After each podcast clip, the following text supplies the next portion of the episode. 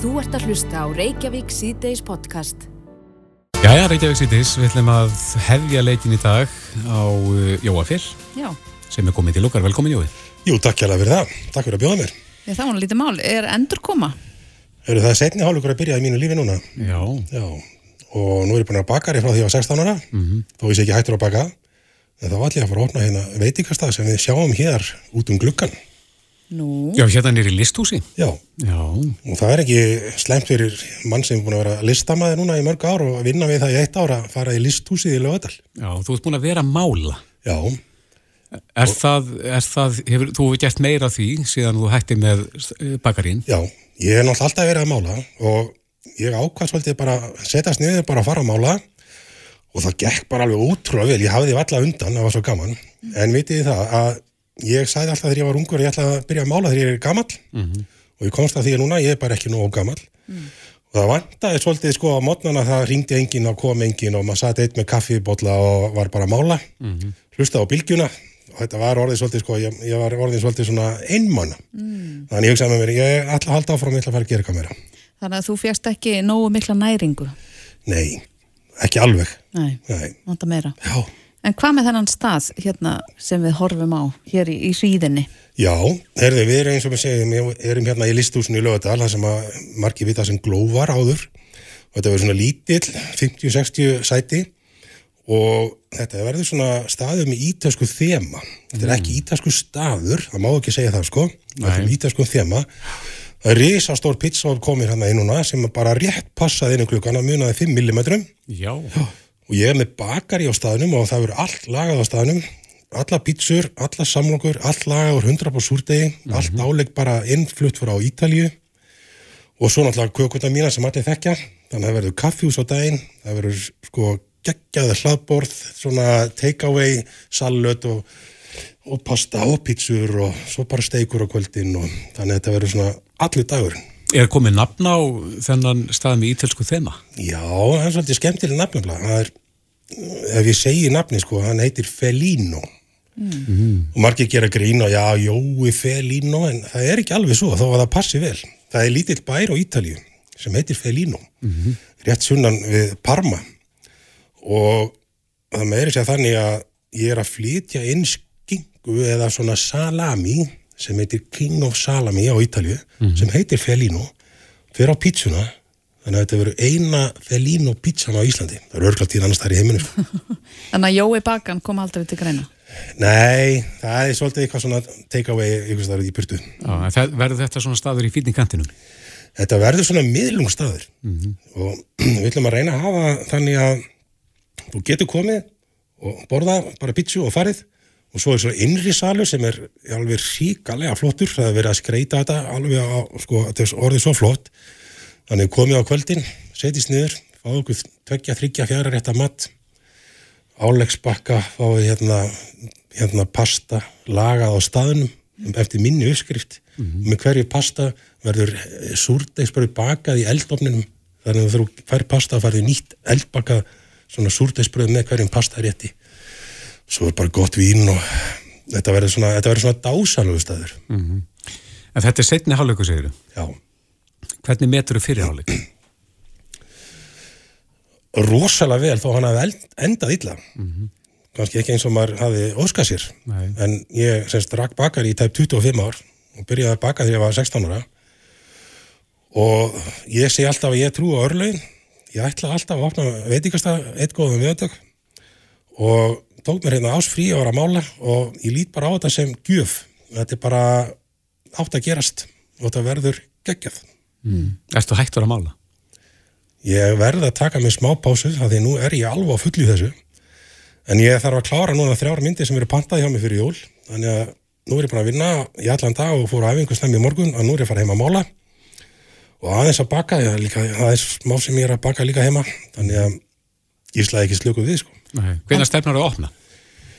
Við ætlum að reyna að opna fyrir jól en í öllu þessu stressi sem er að gerast núna þá veit ég ekki hvort við náum því en ég get að lofa eitthvað því að fá allir að vita að það ef við náum að opna. En þið viti hvernig er með þessi öll þessi leifi þetta er svolítið hægt en mikið svakalega vinnur þetta fólk vel og ákveð og það bara fer eftir bókinni, þetta á bara að vera svona á punktur, þannig ég get lofa okkur því að þegar staðurinn opnar, þá er allt tipp-topp.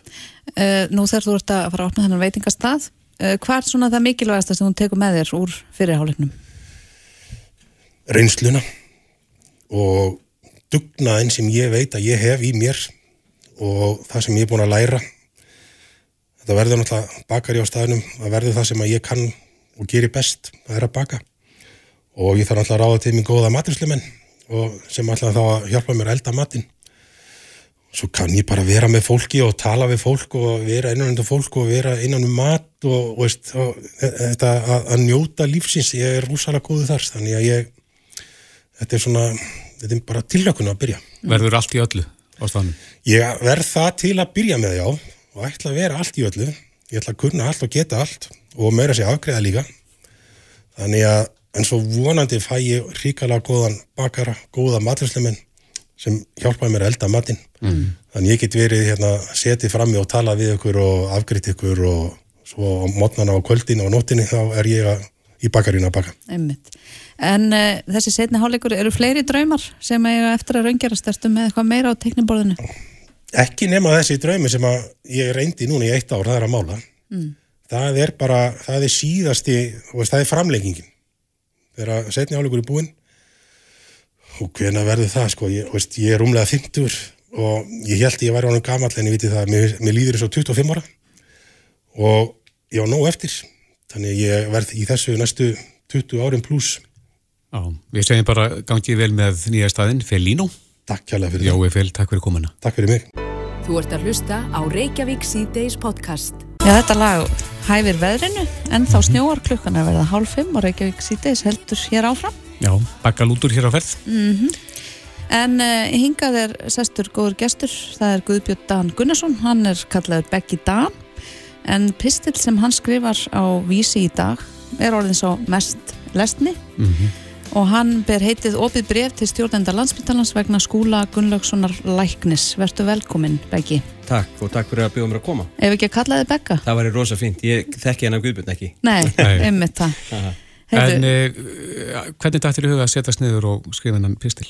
Sko ég er nú ekki þekktur fyrir, fyrir skrif um, en í kjölfara þessari tilkynningu frá landsbítalanum á, á föstudaginn að þá, þá byrjaði ég að skrifa pistili því mér var gjörsanlega ofbúðið og ég hérna og bara einfallega skilit ekki. Já, svona til að rifja upp, hvað sagði þessari tilkynningu frá spítalanum? Að, að, að skúli Gunnlaugsson, læknir, mm -hmm er þið áfram við störf og spítalunum þrátt fyrir þá staðrind að vera viðfórsefni sagamla rannsóknar þar sem að mynd fórnalanum byrju 11 og, og, og það er af 6 sem að litur lífi þar á meðal móðu mín. Mm.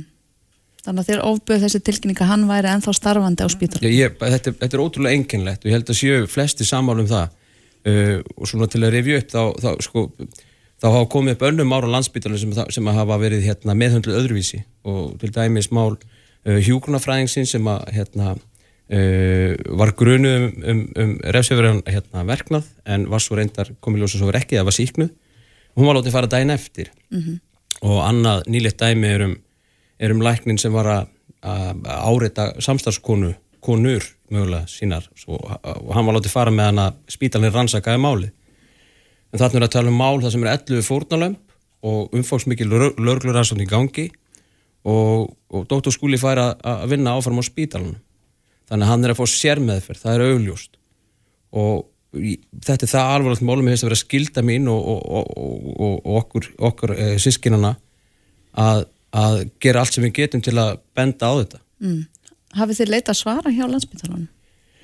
Já, við höfum náttúrulega hérna við höfum talað við, við spítalunum, við höfum talað við læknafélagi sem að gáði yfirlýsingu líka um daginn að, stæði, að félagi stæði með lækninum hvað sem það þýðir en við höfum ekki fengið svör mm. Hafið þið leitað eftir svörum við þessar yfirlýsingu læknafélagsins? Uh, já, við höfum kallað eftir svörum en, en, en höfum ekki fengið þau sem er nú kannski reyndar ekkert skrítið því að því oft taka svona hlutir einhver tíma en við höfum óskum eftir að fá svar fyrir, fyrir 3. desember mm -hmm. en, en það er ekkert komið út úr því ennþá Hver eru spurningar ykkar til lagnafélagsins? Það, í fyrsta lagi uh, er þetta ofinbar ástæða félagsins uh, ef ekki af hverju voruð það að segja þetta og við erum svona að reyna bara átt okkur á ég er nú ekki með spurningar sem við sendum hérna við frammi það var Eva mm -hmm. Sistemi sem gerði það en hérna við vildum bara fá útskynningu á, á þessari yfirlýsingu þeirra. Það er sláandi að lesa þannig pistil sem þú byrti í dag. Já, það var erfitt að skrifa. Ég trúi því. Já, og ég, ég þurfti að endur skrifa nokkur sinnum því að, því að maður, maður, maður er reyður, ég er reyður og, og hérna, þannig ég þurfti að endur skrifa nokkur sinnum til að, hérna, til að reyna að koma því til skila sem ég vildi. Mm.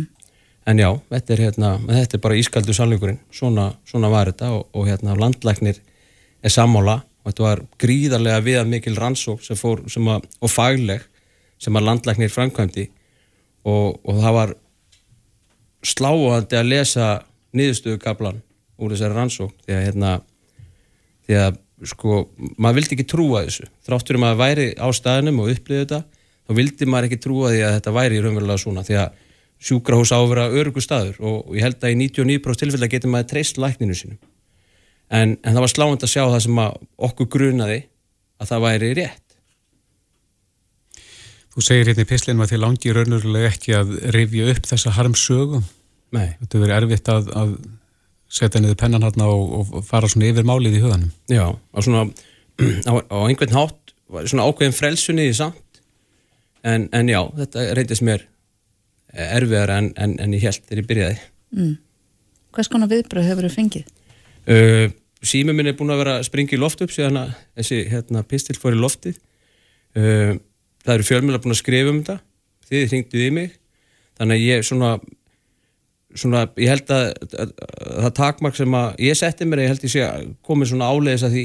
En það er að það er að skúla verið vísa út á sjúkarhúsinu meðan, meðan, meðan mál hans eru til rannsóknar og þetta er ekkert eins og þetta sé eitthvað þú veist, það er ekki svona að gefa einhverjum þú vittlust verkalíf eða eitthvað þetta er bara, þetta er gríðalega alvarlegt 11, 11 fórnarlömb meint, meint fórnarlömb Sem þetta er ansóknu núna. já, Myndur þú telja að þetta væri, mm, hvað á maður að segja, myndur ekki telja að þetta væri bara mjög eðlileg bón? Að, að hann fengi að frá ykkur sískinunum hann myndi ekki starfa meðan rannsóknin var í gangi. Já ekki bara okkur sískinun sko, mögulega er hann að meðhundla fólk. Þetta er sjúkrahús og það er, ekki, það er einfallega ekki hægt að hafa mannesku á spítala sem er grunaður um, um, um, um svona hluti. Það er algjörlega óasættanlegt Skiptir einhverju máli að hann sé undir eftirliti þarna lækna og mér, mér, af hverju fekk hjúkunarfræðingarinn eitthvað starf undir eftirliti eða, eða læknirinn, dólgurinn þarna, Nei, veist það fólk var alveg til fara meðan var að rannsaka málið en hann fær að dunda sér þarna á spítalanum. Mm. og það er algjörlega óasættanlegt og það, bara, það verður að stoppa. Hvernig ætli þessi skinin að beita ykkur frekar? Nú ertu búin að skrifa hann að pistil, hann er búin að vekja aðtegli ég er rauninni veit það ekki. Ég, hérna, ég held bara að við, við munum ekkert gefast upp.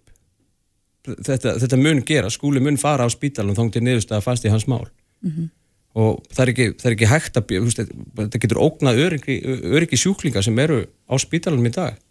Og hann er að vinna á bræðalifrætningadeild þannig að hérna, hann á ekkert enind á spítalanum þá til að er komið niðurstað í þetta mál.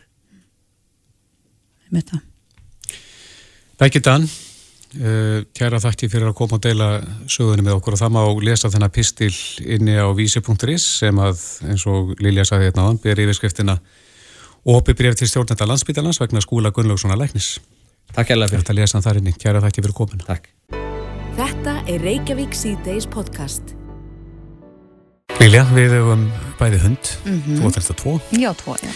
en uh, maður getur rétt ímyndast til það og hefur, uh, margir hafa reynda sem eiga gæludýr að lenda í ógöngum með þá og jafnvel óttast um lífi gæludýrsins Emmett.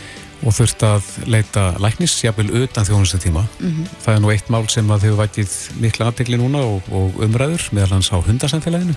Já, það varðan þess að konu var það ekki fréttum stöður 2 Jú. uh, kona sem reyndi án árangus að ringja í neyðanúmer dýra, dýra, dýralækna Mm og sem endaði með því að þurfti að svæfa hundin hennar Lukas Já, Ester Júlí Olgistóttir heitir hún og var einmitt eins og þú sagðir rætt við hana í fréttum stöða 2 en uh, það er bara ljóst að þessi mál er í ólestri og uh, það er nú ekki langt síðan að ég fekk hund en ég hef nú, bara verið að spá í það upp á síkast akkur er ekki eitt neyðanúmer fyrir all landi einmitt, sko, þegar við byrjum að tala um þetta fyrir í dag, þá hugsaði ég ég veit ekkert hvert Nei. ég var að leita ef ég lendi í einhverjum hremmingum með gældir mitt. Einmitt. Bára Heimistóttir, formaður dýralagnafélags Íslands er á línu, kom til sæl. Já, komið sæl. Já, þetta er greinileg eitthvað sem þarf að laga, er það ekki? Jú, ég, það, þetta er náttúrulega alveg óbóðlegt að, að dýra eigandi sem að reynir að ná í dýralagni, hann, hann eh, komist ekki og fá ekki hjálp. Það, það er alveg svakalega vond að upplifa það, það hafa allir skilning á því. Já, mjög sárt. Ég, já. En uh, hefur það komið til tals að því að nú erum við með eitt neyðanúmer sem er 112 sem er nú nota fyrir ímiskona neyð, ekki bara ef það var að byggja um lauruglu og súkrabíl, þetta er fyrir börn sem er í vanda og, og margt annað sem fellur hann undir. Hefur ekki verið rætt að koma ykkar málum þann undir? Nei, ég hef raun og veru aldrei heilt á umræðu að það hafi verið rætt en, en mér finnst þetta bara mjög góð punktur og ég held ég held að það sé bara, uh, bara virkilega verðt að skoða það. Mm -hmm. Hins vegar þá er kannski rétt að benda á og ég held að vandin sé tvíþættur. Ég held að í fyrsta lagi sé það sem við vorum að tala um núna uh, eða sem að þið kannski komaði aðeins inn á áðan það að fólk veit ekki alveg hvert á að ringja. Mm -hmm. veist, það er í vondri aðstöðu, dýrið er mjög veikt, hvert á ég að ringja og svo ringjur í dýralækniðinn Mm -hmm. og þá er það að við dýralæknar séum mjög dugleg að setja réttar upplýsingar inn á okkar símsvara séum við ekki að veita uh, bráðaþjónustu akkurat þann, þann tíma mm -hmm. og, og segja þá að það er hingi mast og, og hvað þú getur leita þessar upplýsingar. Hinn vandin er og hann er miklu stærri. Það er það að sérstaklega á svæðum eins og í Reykjavík það sem er mjög mikið um að vera hjá dýralæknarnum ávaktinni Þið ofnbæra það borgar í eitt vakt, vaktapott á þessu svæði. Mm. Við komum til dýralæknir, hann er bæði á vakt fyrir smátýr og stótýr. Hann getur verið til dæmis úti í burðarhjálp á pú mm. þegar er fengt og, og, og, og það er eitthvað gælutir sem er í neðarástandi. Mm -hmm. Og það er það sem er vandin að, að það er, að, það, það er, það vantar sko þeirri dýralæknar sem eru tiltækir og það situr það engin í sjálfbóðavinu, það þarf að koma til fjármunni frá hennu ótnibir í það. Þannig að það er lausnin, meira fjármagn til þess að geta þá, myndur þú þá vilja skipta þessari neyðarvakt, einn dýralæknir fyrir smádýr og annar fyrir stór? Já, það þarf klárlega að vera þannig að það þarf að vera skiptur pottur, svo sko draumaframtíðin væri náttúrulega að við getum haft opinn dýraspítala allan sólaringin eins og Reykjavík Er það fjarlægu draumur? Ég veit ekki, er, sko, ég vona að það sé ekki allt á fjarlægu draumur en það kostar líka peninga og það er engin, dý, eh, engin, engin dýra spítali sem getur uh, tekið það að sér að taka þá miklu þjónustu að sér og halda út til vöktum og, og pluss það að fólki myndir náttúrulega bara brenna út á mánuði af því að það væri alltaf á vakt. Mhm. Mm -hmm. Þannig að það þarf að vera eitthvað svona samt, uh, samtaka átak sem að það í þar af stað. Svona. Já, en nú hefur gælutýraegn stór aukist eða ekki á undanfættum árum. Jú, alveg hárið. Þannig að það er kannski enn meiri þörf fyrir svona greiða og stjóta þjónustu fyrir gælutýri neyð, heldur en áður. Já, ég held að og það er, eh, sem sagt, það, það þarf fleiri, það þarf fleiri dýralagna til að vera á þessari vakta því að þetta er alveg svakalegt álag mm -hmm. og, og oft fær þetta fólk ekki eina klukkustund í svepp þegar það tekur helgarvaktin og eitthvað þannig þannig að þetta, þetta er einlega ekki bóðlegt eins og það er í dag. Nei. Eh, nú, eh, þessi frétt sem var um, um helgina, um konu sem náði ekki sambandi við neyðavaktina, heldur það séu fleiri svona dæmi sem leita kannski ekki í fjölmila? Já, ég geti alveg ímynda með það og, og það líka Og svo þurfum við kannski eh, líka aðeins að gera það upp við okkur hvað er ásættalegt að hafa viðbrastíman langan. Mm. Barn er alveg rétt að þannig geti 1-1-2 komið til hjálpar. Mm -hmm. Þá ert allavega komin með hjálp á línuna. Þó kannski 1-1-2 hafi nú kannski ekki þekking og að veita eh, hjálp í dýrum í neyð. En, en þeir geta þá framvísað eh, sko annað eins og þeir gera bara ef þú þarfst að ná sambandi við lögreglu og þá gefa þeir samband við fjarskiptamistu lögreglunar? Já, alveg rétt. En þá þarf að vera dýralegni tiltækur. Mm. Hann getur ekki verið í börðar hjá næstu tvo tímana. Það þarf þá að vera eitthvað plan B, skiljur, sem tæki síman hjá einni, tveimur. Mm. En þetta er bara, þetta er bara útfæsla sem þarf að hugsa. En, en, en þetta er mál sem að er svolítið stórt af því að það þarf pening í það og allt sem kostar peninga er erfitt eins og við vitum. Já, ég velti fyrir mér, er eitthvað plan B núna ef að dýralæknir á, vakt, á neyðarvakt er upptekinn? Er eitthvað plan B? Það er ekkert, uh, sumir dýralæknar hafa það sín á milli að þeir hafa backup sem hægt er þá að þú, ég ringi í þig ef, að, ef að, uh, ég er einhver staðar í útkalli næstu þrjá tímana en plan D fær ekkert borgað ekki frá þinn ofinbæra, það er bara eitt sjóður. Mhm. En svona miða við þessa umræða sem er í gangi núna er þörf fyrir þitt félag sem að þú ert í fósfari fyrir dýralækna félagið að, að reyna að koma ykkur reyfinga á þetta mál? Já, ég held það. Ég held, ég held að við ættum að taka þetta upp og ég held að við ættum líka að taka þetta upp uh, hvernig, sko, einnig tveir, það, þetta er bara, það, það er það sem allir hugsa, skilur, ef eitthvað, eitthvað bjátt rá sem þarf að fá hratt aðstofið. Einmitt. Þannig að við, við hugsum það hvernig, eins og eins og þessi fyrstipunktu sem við vorum að ræða, hvernig á ég að vita hvert ég á að leita ef ég er í neyð, ef dýralækninu minn svarar ekki. Það er ekki bóðlegt að fólk þurfa að byrja á því að fara að googla ef að gæludýrið er í andnöð eða eitthvað slíkt. Það er alveg hárétt. Við bara hugsum, við, við getum ekki hugsað alveg rökrið þegar við erum svona stressuð. Nei. Þá erum við ekki að googla mikið. Nei, það er alveg rétt. Bára Heimistóttir, formaður dýralæknafélags Íslands, uh, vonandi sjá einhverja breytingu á þessu kerfi. Gangið er allt í hægin. Já, takk fyrir. Takk fyrir spjallið. Reykjavík síðdeis á Bilginni podcast. Jæja, Reykjavík í deis klukkan uh, rétt rúmlega hálf sex og við ætlum aðeins að ræða nýjan stjórnar sáttmála Emmitt. sem að hefur litið dagsins ljós. Já, ég, ég er bjart sín, ég taldi nefnilega nokkur svona líkil orð í Já. stjórnarsáttmálanum og velsæld kemur fyrir 11 sinnum. Uh, lífskjara sókn er einnig orð sem ég las í sáttmálanum sem á velsældar samfélag, velsældar mælikverði og velsældar hagkerfi. Já, Þetta er, allt, mjög- er mjög bjart yfir þessu. Já, Já, en það er spurning hvað næstu viðmælendur segja, reyndar er annar þeirra ekki komin í hús Kristrún Frostadóttir frá samfélkingu er á leiðinni en Anders Ingi Jónsson, pírati, hann er sestur hér. Ertu velkomin? Takk, ég kom nefnilega gangandi þá komst ég bara beint. Já, sniður. hvaðan gegstu? Það er nú bara inn í lögadalum. Já, akkurat. Rétt inn í meginn. stutt að fara. En hvernig líst þér á, á stjórnarsáttmála? Þetta eru, eins og hún segir, þetta eru mjög jákvæð orð þarna. Já, þetta ekki og- vel sælt? Nei, Þetta, þetta er sett í mjög fallegar umbúðir og uh, van- vandinn við þessa orðatalningur er að það er eiginlega að deila með tveimur af því að allir textin kemur tvisvað fyrir. Fyrst ertu með sko samféldan texta í byrjun á 11 síðan það er, það er sko efnið í þessu og svo kemur hann aftur í svona bulletpunktum aftar. Svo er mikið að myndskreitingum þannig að þessar 11 síður eru tegðar upp í 60 uh, en 11 síður er ekkit rosalega mikið til að sko byggja á fyrir heil fjögur ár. Þannig að þetta er aldrei mikið í almennum orðum og, og einmitt oft fallegum orðum en, en kannski erfitt að ráða í nákvæmlega hvað það er sem á að gera. Mm. Og það sem að uh, það sem að vantar sérstaklega er að sitja eftir lesturinn og fá eitthvað svona aha moment, já það er þess vegna sem við vilja vera saman í stjórn. Þetta, það, það, það skortir. Við sjáum ekki alveg sko sjáum ekki stóra plottið. En er eitthvað sem að vantar þarna í sáttmálan? Það er náttúrulega ímislegt sem að sko maður saknar frá síðustu stjórn.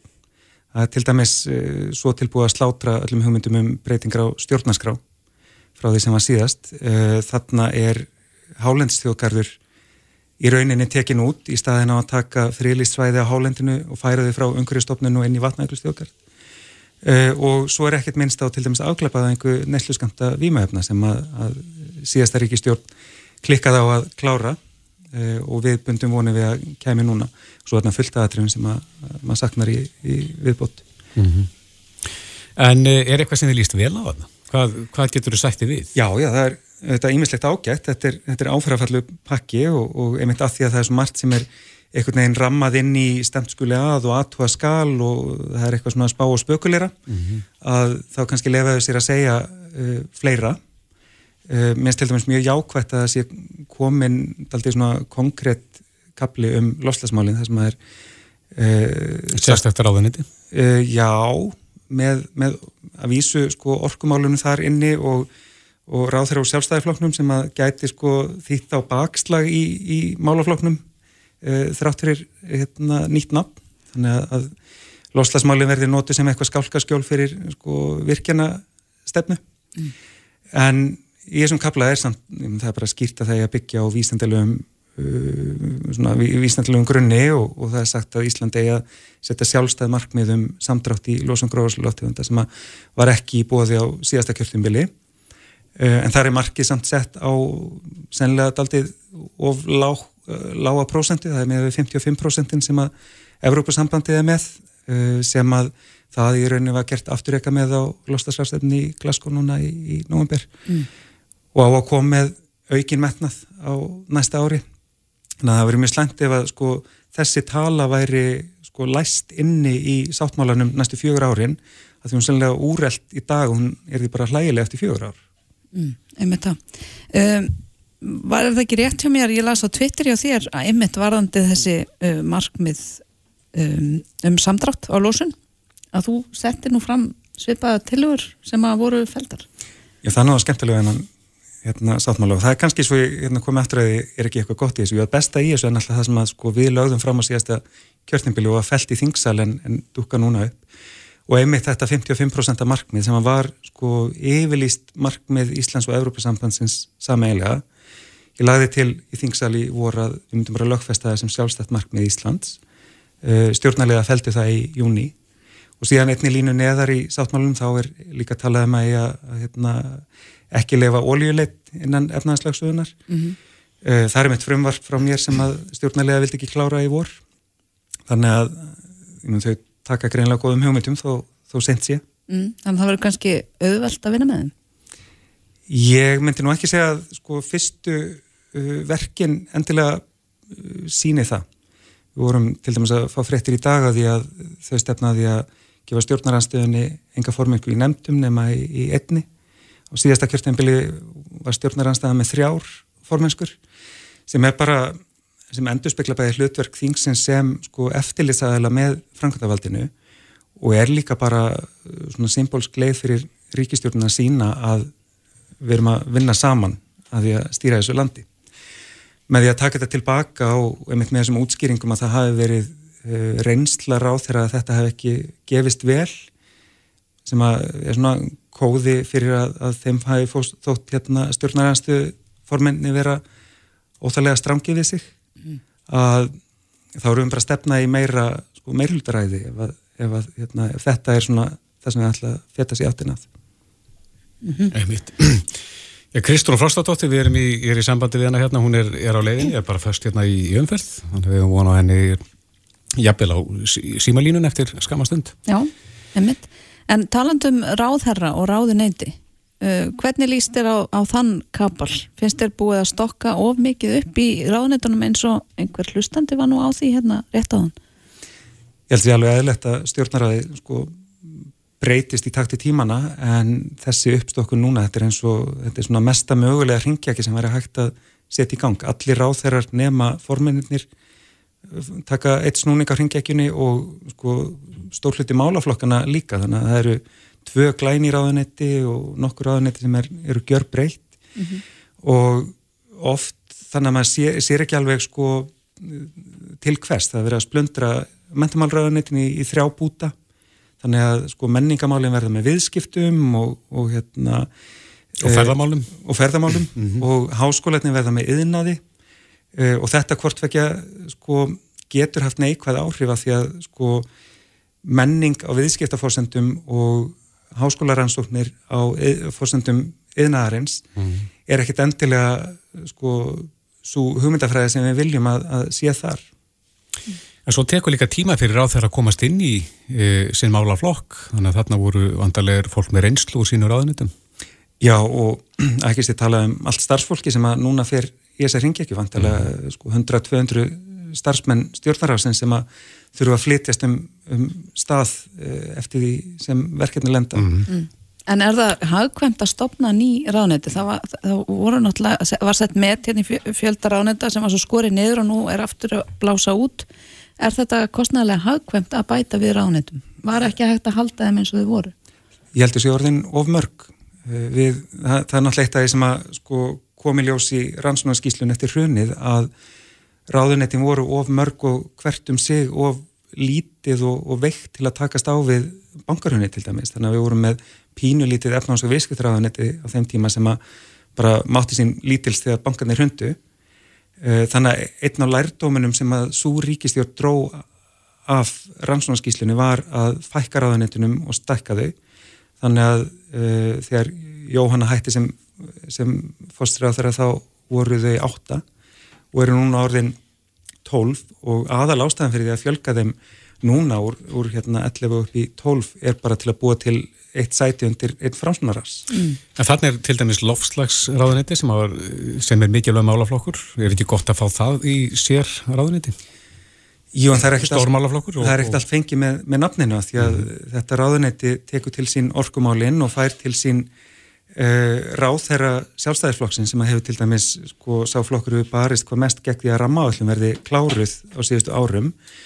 Uh, og í kostningabarátunni þá töluðu þau mjög skýrt um það að þeirra græna stefna væri í rauninni bara það, bara gamla goða kárnukjastefnan í svona grænum álpapír og glemir þið ekki heldur að þetta er flokkurinn sem hann fekk sko eina lélegustu engunina í sólinni sem að, að þessum ungir umhverfisinnar mátu lostastefnum flokkana e, og svo slæma engun er velunum með því að þau fá að leiða málaflokkin næstu fjögur ár mm -hmm. sem ég held að sé bara sko hættulegt mm. Kristofn Frostadóttir er dottin inn Velkomin. inn. Velkomin. Ég vil taka fram, ég var í almenningssamgöngum. Það er virkuð ekkert neitt rosalega vel akkurat núna, ég ætla nú ekki að vera að veika aðtegla á þessu í ljósi þess að við hefum borgarstjóri okkar flokki.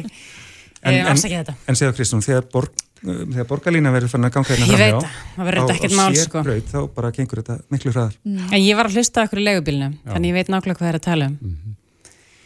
um ég meina þið voru að ræða með umhverfisanendi, ég get svo sem tekið myndi með Andresi, þetta eru svolítið sérstaklega skipti. Ég held að það sé margir aukandi yfir því að orkumálun séu sett þarna saman með umhverfismálunum, þó séu auðvitað ekki hægt að lýsa því yfir að það þurfu ekki að horfa örku þurfu þess aftar, en, en hérna en þetta náttúrulega uh, það þarf að vera eitthvað, eitthvað jafnvæg þarna milli. En mig langaði kannski til að bakka þess mm. varandi svona fyrstu viðbröð fyrst ég nú loksins komið inn í stúdíu og segja að það sem að ég uppliði mjög mikið því að ég las hann að stjórnarsáttmála var um, í rauninni hvað hann, hvað ég segja, hann var ótrúlega góður í að enkenna hvaða væri svo staðin framifyrir en kannski ekki ótrúlega mikið um aðgerðir eða plan hvernig þau ætla sjálfa að beita ríkinu í því samengi og því liturinn til uppliði ég smá eins og ég væri að lesa samantækt á glærukynningu hjá ráðgjöfafyrirtæki um stóru, tvær, þrjár áskorundnar, öldrun, húsnæðismál, lofslagsmál. En hverki gæti fundi konkrétt tillegur um hvernig þau ætti að beita ríkisjóði. Uh, og að þýletunum til uppliði ég svolítið að ríkistjóðinu væri áhorfandi í þessu máli þar að segja, hún væri rosalega góði að segja hvað við staðum framifyrir. En þetta er kannski aflegginga því að það er stundum mjög lítil pólitík í þessari ríkistjórn, verðan þess að hún er myndað yfir þetta alþekta pólitíska litróf og að einhverju leiti hefur hún skapað svona stemningu hjá þjóðinni um að það sé hægt að, að reyka hér landi án þess að sé neinn undirleikandi pólitík.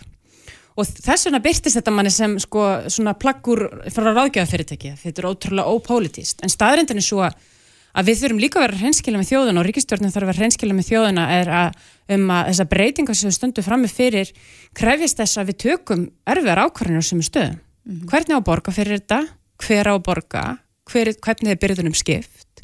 Um, og við getum ekki bara að treysta útýsingu á fjármögnun ef við ætlum að fá enga aðlein í verkefni. Hvernig verður þar fyrirkomulag? Hvar kemur ríkið inn? Um, varðandi til dæmis fjármögnun á þessum stóru innviðafrangundin sem hafa ráðist í lofslagsmála þess aftar þá er talað um, um arðafsölu bankan en ég menn þú selur ekki sama bankan tvísvar Við erum auðvitað að kalla eftir langtíma áallunum um hvernig við getum verið stöðugt í upp, uppbyggingu, ekki átökum. Og þess vegna sakna ég þess svolítið að þau tali um hvernig er hægt að endurskipulegja ríkið til þess að vera virt og upplugt í að taka þessi skref og svo endurskipulagning og vald, ef að svo má kalla, ef að það má nota það orðið við ríki, það fælst ekki bara í svona yfirbáskendri sko, yfirfæslu á verkefnum millir ráðunetta, þessi stólaleikur sem er eða þessi stað. Mm. Þannig að þetta hljóma nú kannski svolítið harðast hjá mig því að ég segi þetta upp átt, en þetta var mín tilfyring. Mm. Þetta, þetta hljómaði ábúrslega vel. Já, en svona miða við stjórnarsáttmálan, hvar, hvar verða átaka línurnar í þinginu í vetur? Ég held að átaka línurnar það sem er, kannski hefur verið erfitt fyrir stjórnarnanstöðun og nú segi ég þetta sem svona ný, ný komin inn á þing sko, ég hef ekki setið hérna hinga til það er svolítið erfitt að bregðast við skorti á pólitík það er auðvelt að, að finna eitthvað sem að þú ert ósamála ef að það er pólitísk sín en þegar það er svona óskilgreint eitthvað uh, uh, Eftir að segja þetta verið eðlis. átaka lítið þing þá Ég held að stjórnarnanstæðin þurfi aðeins aðra taktíka eða minnstakosti þurfi við að horfa í einn barm varandi hvernig við komum þessum skilagbóðum betur til skila. E, vegna þess að ég held að að stjórnin sé að, að í rauninni gera þjóðinni grikk þegar kemur að því að, að ekki vera hreinskilin við þau hvaða breytinga þarf að gera. Þetta er svolítið svona eins og að sleppa að senda batnið sitt í skólan í 2-3 daga til að segja kósi daga. Mm. Skilur En það mun koma skuldadögum Ég myndi segja fyrir okkar leiti í samfélkingunni þessi stóra áskorun sem er talað um til dæmis húsnæðismálin, ég er frekar ósátt við hversu þunnu 13. það er í stjórnarsáttmálunum um það. Þau verðast alltaf útýsa því til sveitafélaga uh, þeir eru skömm einhvern veginn með að tala bara um lóðir eins og það séð eina sem skiptir máli. Við hefum séð fleiri málaflakk að fara þá leið málefni fallara nú síðast farsaldar frumvarp uh, barnamálar á þeirra sem fekk að taka þann titil áfram með sér í næsta ráðunetti uh, það fyrst og fremst lendir kostnarinn á sveitafjölugunum þar hefði ég viljað sjá ríkistjórnuna vera bara svolítið pólitísk og segja herri við ætlum bara að setja fjármagn í uppbyggingu íbúðirna en þau eru auðvitað ekki sammála um það og þess vegna heyrist það ekki. Er þau samanlega Andris? Já, sko, vandin er einmitt að það vantar sameiginlega hugmyndafræði í þessa stjórn og sáttmálinn berðis merki stólaleikurinn snýst líka í grundvallega dreifum um það vegna þess að aðal átökin á síðasta kjörtumbili voru innan stjórnaflokkun á millið þeirra. Mhm. Uh, Það þurfti ekki stjórnaranstöðuna til að drepa hálendistjókarði eða rammaáætlun eða stjórnaskrána eða hvað það var inn á þingi. Stjórnarlegarnir sáum það algjörlega einir og óstöttir. Núna er búið að svona sikta málefnin betur á milli ráðunita þannig að þeir geti fengið að gera það sem þeir vildu gera á síðasta kjörtumbili, fá bara að vera kongar í sínu ríki, fá að vera í friði fyrir hinum ráðhverjum og bara eiga sinn málaflokk í friði. Og það er náttúrulega alveg hræðileg staða fyrir ríkistjórn að vera í. Að, að ráðhverjarnir þurfi bara einhvern veginn að vera sko, einangræði frá hverjum í sínum sílóum að vinna í sínum málum fyrir að vera einhvern veginn samhend ríkistjórn. En þá myndi maður segja að það var stjórnarlandstaðan aldrei mikilvægari. Algjörlega og sko það er náttúrulega nóg að taka uh, bara ef maður skoðar á sko, fyrstu viðbröð við ráðhraliðinu þú veist, ef þú ert umhverfisvenda sinni og sér Guðlaug Þór fara fyrir sjálfstæðiflokkin yfir sko lofslags orku og umhverfismálum þá ættir að fá kalt vatn ef þú ert feministi þá ættir það að þykja mjög óþægilegt að Jón Gunnarsson sem greitti atkvæði gegn þungnarósfrumvarpi Svandísar á síðasta kjörtumbili að hann eigi að leiða úrbætur í kynfyrirsbrótamálum í dómsmálræðanetinu. Það er bara móðgun og það er okkar að bregðast við því. Rétt eins í lokin, uh, af því að þessi stjórnaflokka þeir unnu sigur í síðustu kostningum og styrstu stöðu sína, var það, uh, er þetta að skrifa það á stjórnaranstöðu leysi síðasta vetur og síðasta kjörtimabili? Það er alltaf eitthvað sem við megum taka til okkar. Já. Hvernig, sko, hver, hvers vegna okkar skilabá náðu ekki betur í gegn, Mhm. algjörlega. Verðið harðari núna? Ég held að minnstakosti þurfum að horfast í augu við það að þetta er svolítið nýtt landsla í íslenskri pólitíka ætla ég að leiða mér að segja. Það sem er svolítið verið að spila á hlutina eins og þeir gerist að sjálfu sér. Við séum bara á ykkur sjálfstýringu sem fælst í því að við gerum okkur grein fyrir vandamálunum, við sjáum þau og þess vegna sjálfkrafa breyðustu við þeim.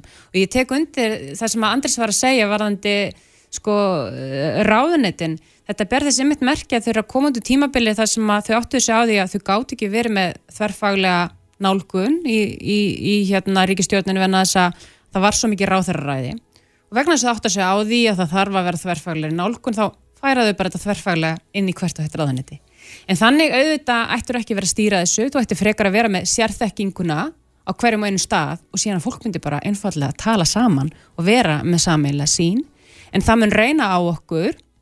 Ég bara vonast eftir hérna alvöru félagshyggju pólitík í stjórnarandstöðinni og við getum komið okkur saman, það eru nú nokkru flokkar þarna sem eru með rauðan þráð í ymsu og við ættum að geta verið öflug saman.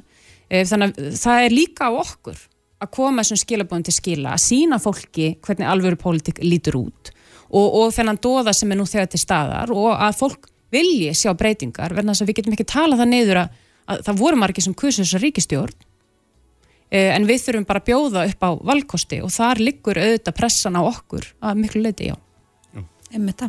Kristrún Frostadóttir og Andris Ingi Jónsson, takk kærlega fyrir komuna og gangi ykkur vel í baróttunni. Takk fyrir. Reykjavík síðdeis á Bilginni podcast.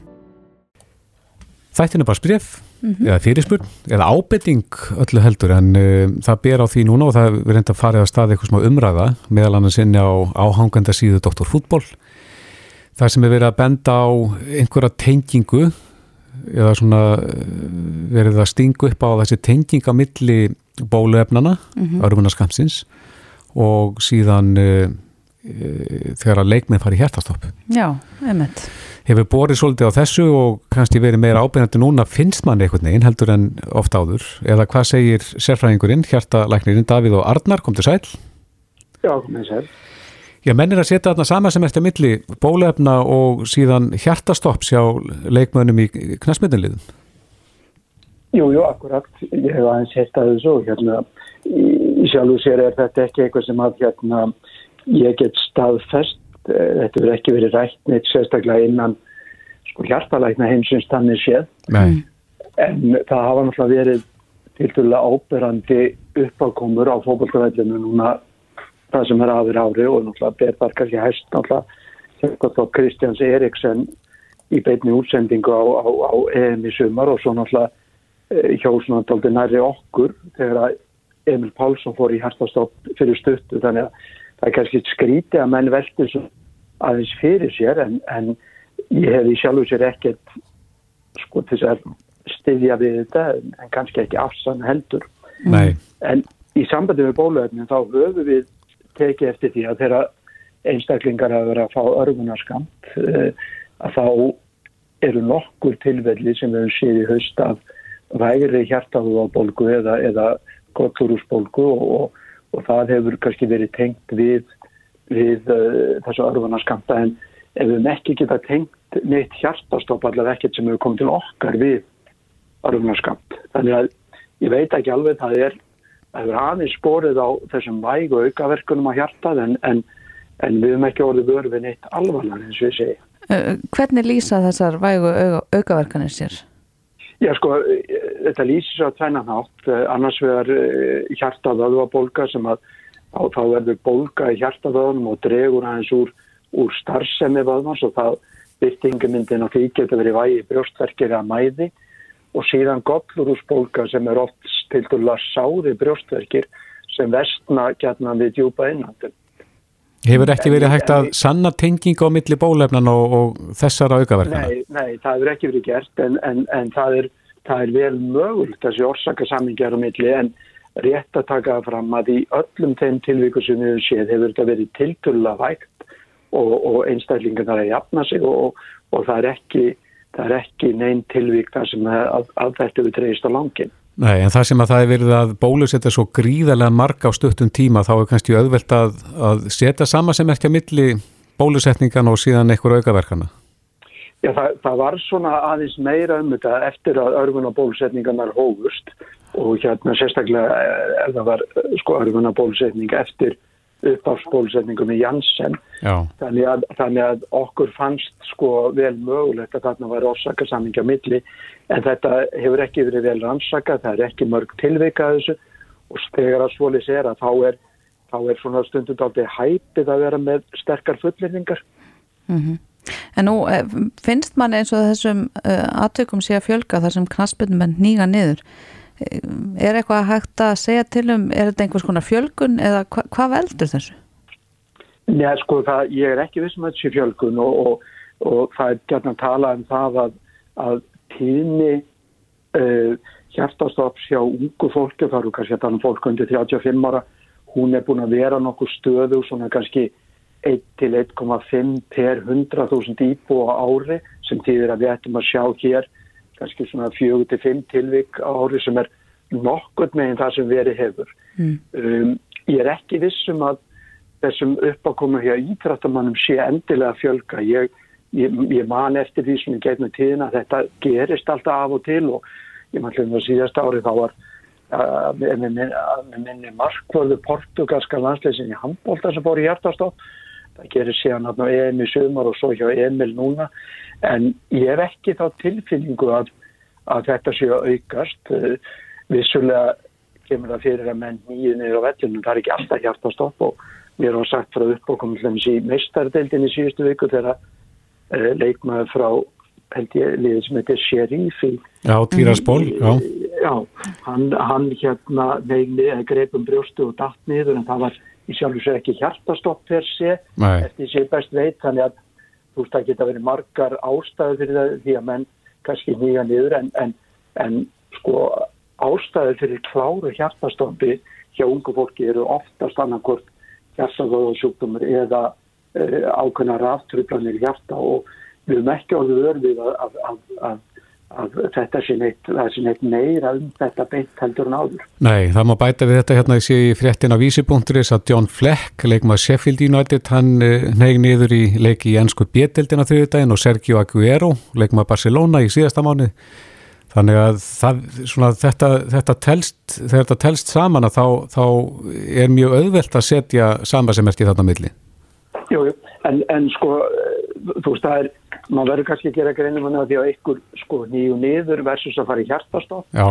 og um, ég hef ekki heyrt af uh, hvorki tilviki þessu leikmann Sheffield United nýja Sergio Aguero og ég, ég man ekki eftir að hafa heyrt uh, sko rætt um hjartastopp í Nei, þetta sé þá eitthvað annað. Ég mögulega sko, ég bara þór ekki að fara með það en, en, en, en sko klart hjartastopp uh, sko eins og gerðist hjá bæði Emil og, og hjá Kristján Eriksson það er í mínum að freka sjálfgeft. Mm, Þannig að við veitum ekki nógu mikið til þess að geta tengt þessar uppákomur við bólusetningar?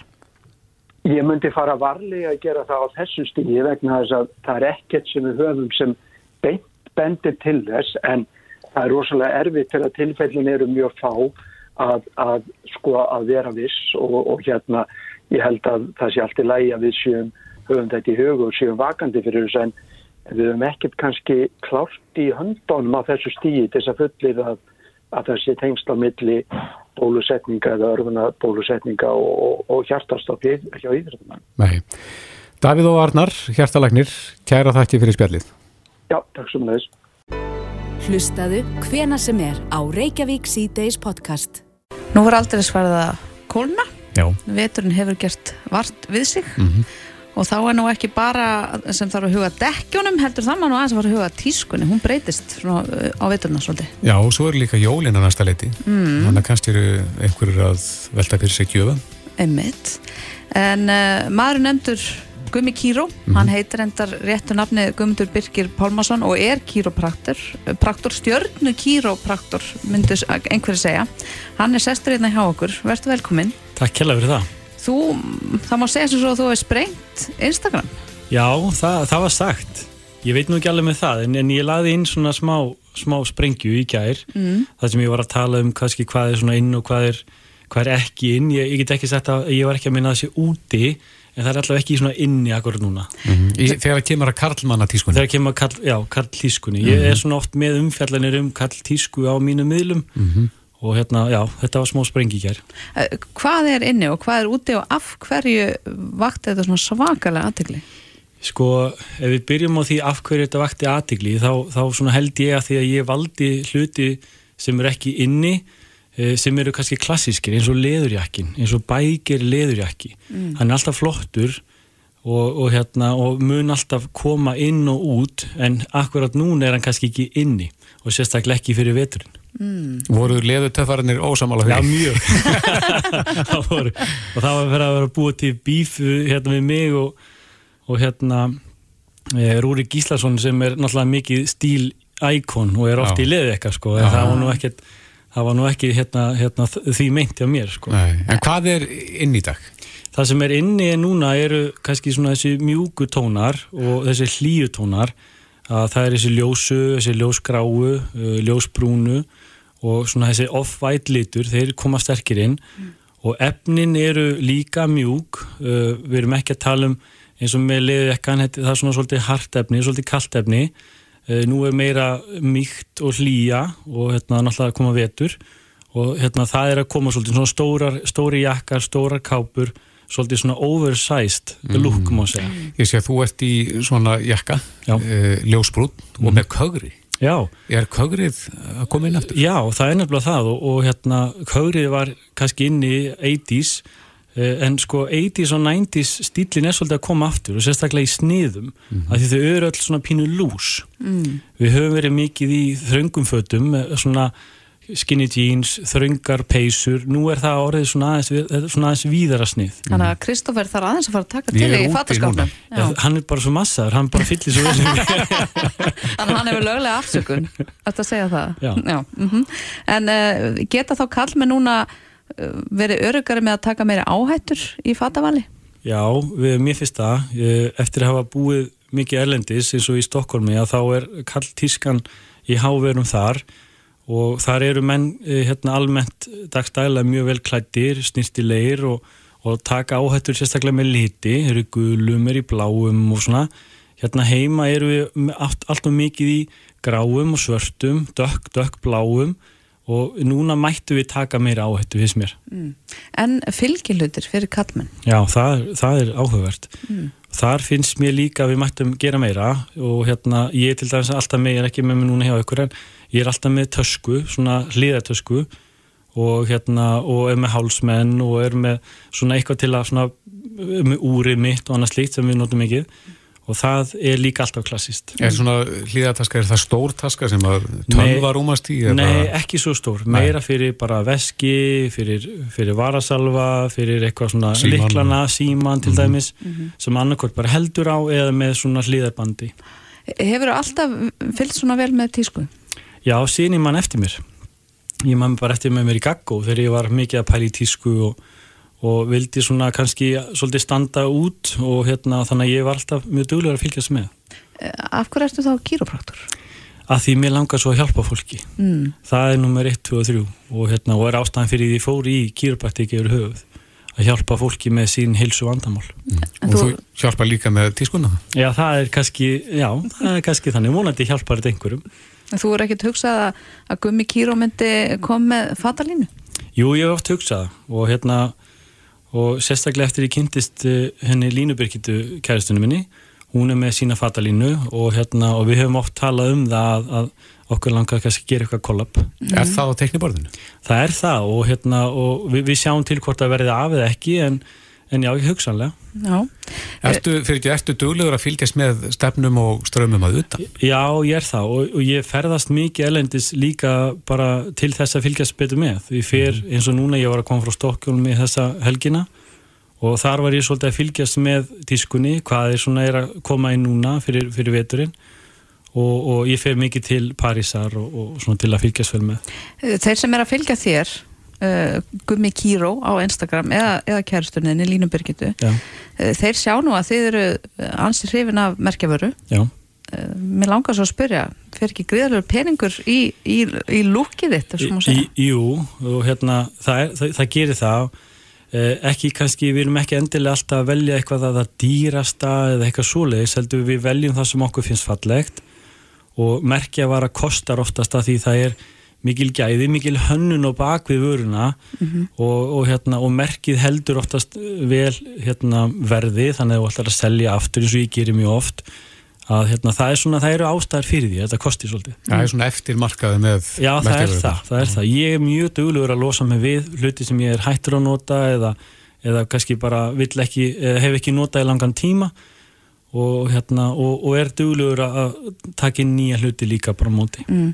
árum við sleppum við að spyrja hann hvað er það næsta sem þú ætlar að kaupa þér í fatskapin Sko, það er, sko, nú er það þannig maður vantar aldrei neitt, mm Mhm. maður á alltaf allt, en, en ef það væri eitthvað eitt, þá væri það hugsalega bara ný hliðartaska. og kannski eitt í blálógin fyrir uh, þær konur sem eru að hlusta núna Já. Og uh, eru ráðfróta með hvað það er að gefa uh, manninu sínum Já.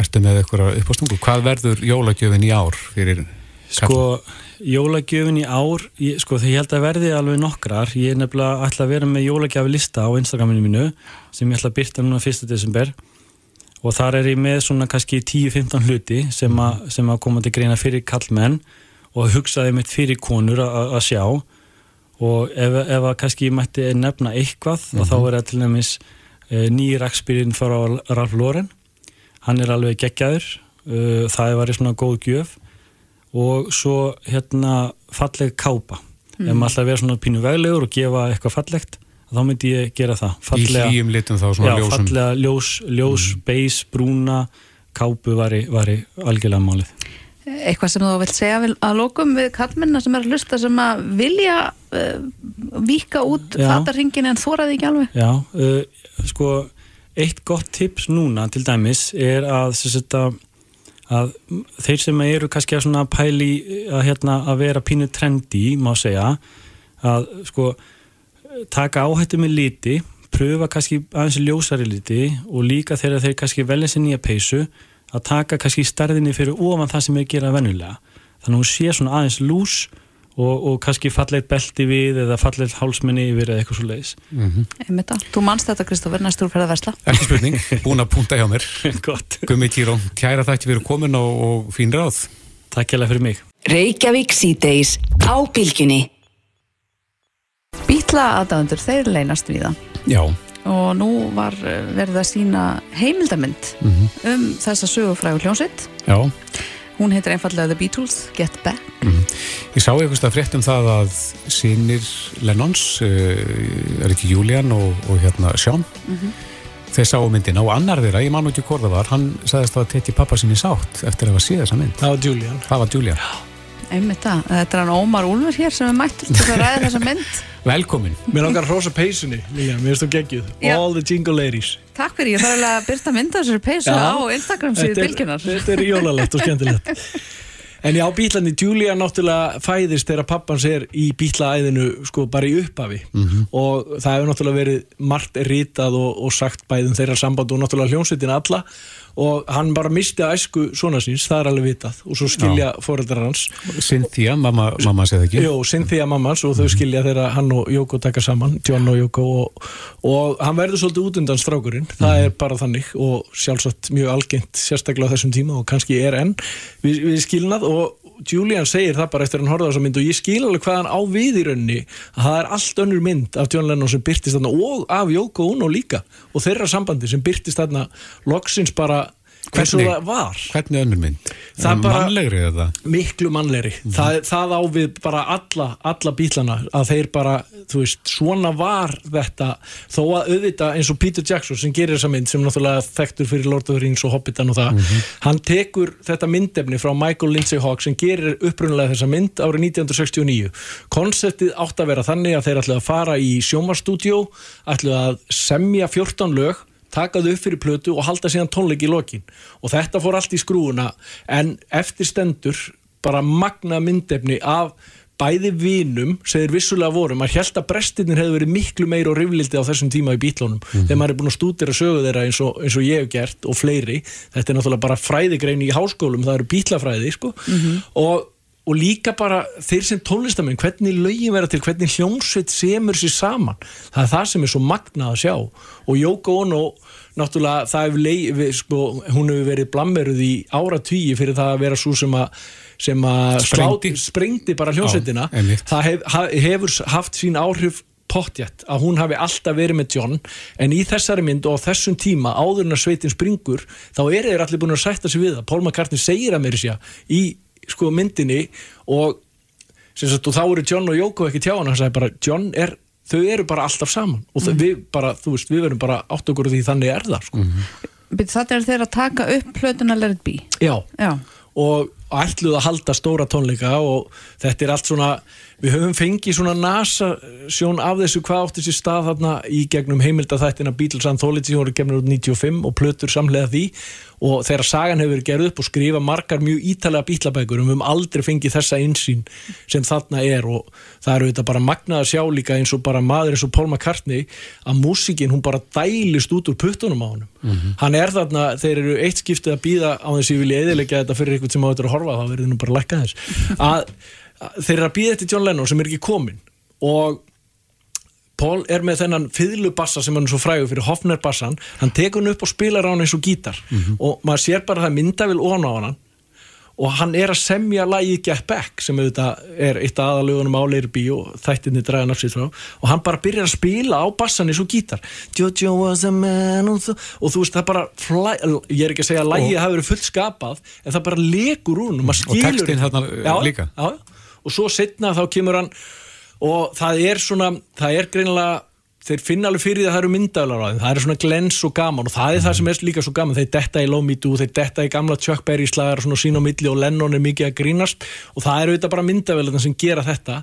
En svo er svona ákveðin kerkja á milli. Maður sér það alveg að menn er að vaksa hann í sundur. Og það er á einu stað hætti George Harrison í sveitinu og maður sér alveg þetta var, það var mikil spenna og þetta, þeir voru ekki alveg sáttir og svona öðruvísi bara Hvað pælingar. voru búin að vera lengi saman þannig? þeir náttúrulega eru stopnaði hvað 1960 sláði gegn 62 þannig að það er mikið búið að gerast. Það eru allt þetta bítlaði þeir hægt að spila gefa út Sgt. Peppers. Síðan kemur pínu flopp þannig að eru búinir að fara í gegnum hæðir sérstaklega og ykkur að smá svona smá dífu líka sko. Hann er kannski ekkert skrítið þessi komin kærkja í hópin Nei, en svo það sem er svo fallegt við þetta líka er að þegar kemur gott lag og þeir byrja að vinna í góðu lagi sem er að verða til þarna fyrir framann augunum á manni þá eru allir onnit þá bara, þú veist, gleymist öll kerkja og allt og þeir byrja bara að spila eins og þegar Pól kemur með lítið gítar nei, hérna, pianonúmer sem að byrja og þá allt í hennu bara fara þeir allir svona að horfa í kringum sig, já, byttu, herðu, já, byttu, hvað á ég að gera, hvernig á ég að, hva, hvað get ég komið með þetta lag, þá var hann bara að spila It Be, Já. þú veist, það er náttúrulega alveg kingi magna, svo enda þeir þarna upp á þakki á skrifstofu byggingur sínu Apple, það eru síðustu tónleika bílanu upp á þakki á þessu skrifstofuhúsnæði og maður sér þetta mjög vel og það sem komið pínu óvart er hversu ofbáslega góðir þeir voru á þessum tónleikum sko. þeir voru alveg og þeir voru ekki búin að æfa og þetta var eiginlega svona, þeir voru hálfpartin hættir við þarna fyrir hátegi en eins og Pól segir, við erum alltaf bestir þegar við erum bara með, bara our back against the wall og þeir, með bara hend, þeir verða að fara þarna upp á þakka og verða að taka nokkuð lög og það eru sko útgáður sem enda á It Be plötunni og er alveg þeir bara, það er bara svo dásanlegt að sjá þannig í síðasta skipti, þetta, þetta er ótrúlega band sko. Þú talar svo mikill ástriðu Já, ég meina þetta er bara þú veist, síðan ég fjall fyrir svo svo er líka bara sagan, tónlistasaga þessar hljónsveitar er svo merkileg og mögnuð sko. Og mér er alveg saman út ykkur annar fílit ekki, ég bara elska þetta sko. Já, er á þessi mynd eftir að búa til nýja aðdándur? Það er góð spurning, nei, veistu, ég held ekki. Ég held þú þurfir að vera pínu veikur bílaðadándi til þess að í fyrsta legin enn að horfa á þetta allt því þetta er mikið, já, þetta er langt. Og þetta er mikið myndefni, en svo líka er þú veist, rótar þeirra sem hafa búin að vera með þeim síðan í kafren Mal Evans, að að sjá hann þarna í kringum þá og hann er að vinna, hann er að koma með hérna, textapælingar fyrir Paul McCartney í The Long and Winding Road. Þú veist, þessi kall, hann var svona stórrisi og svona ekkit rosalega gáðaður sko, en uh, var alltaf hann var svona personal assistant fyrir þá. Þú veist, þetta er bara, reddari. þetta er fjársjóskista fyrir, fyrir bílafólk sko, það er bara svo leis Frábært. Og fyrir þá sem eru spenntir og þá er þetta inn á Netflix, eða ekki? Disney Plus, Disney Plus, það var hinn veita. það var hinn veita Ómar Úlfur, kæra þætti fyrir komuna, gaman Takk að heyra þessum. Þetta er Reykjavík C-Days podcast.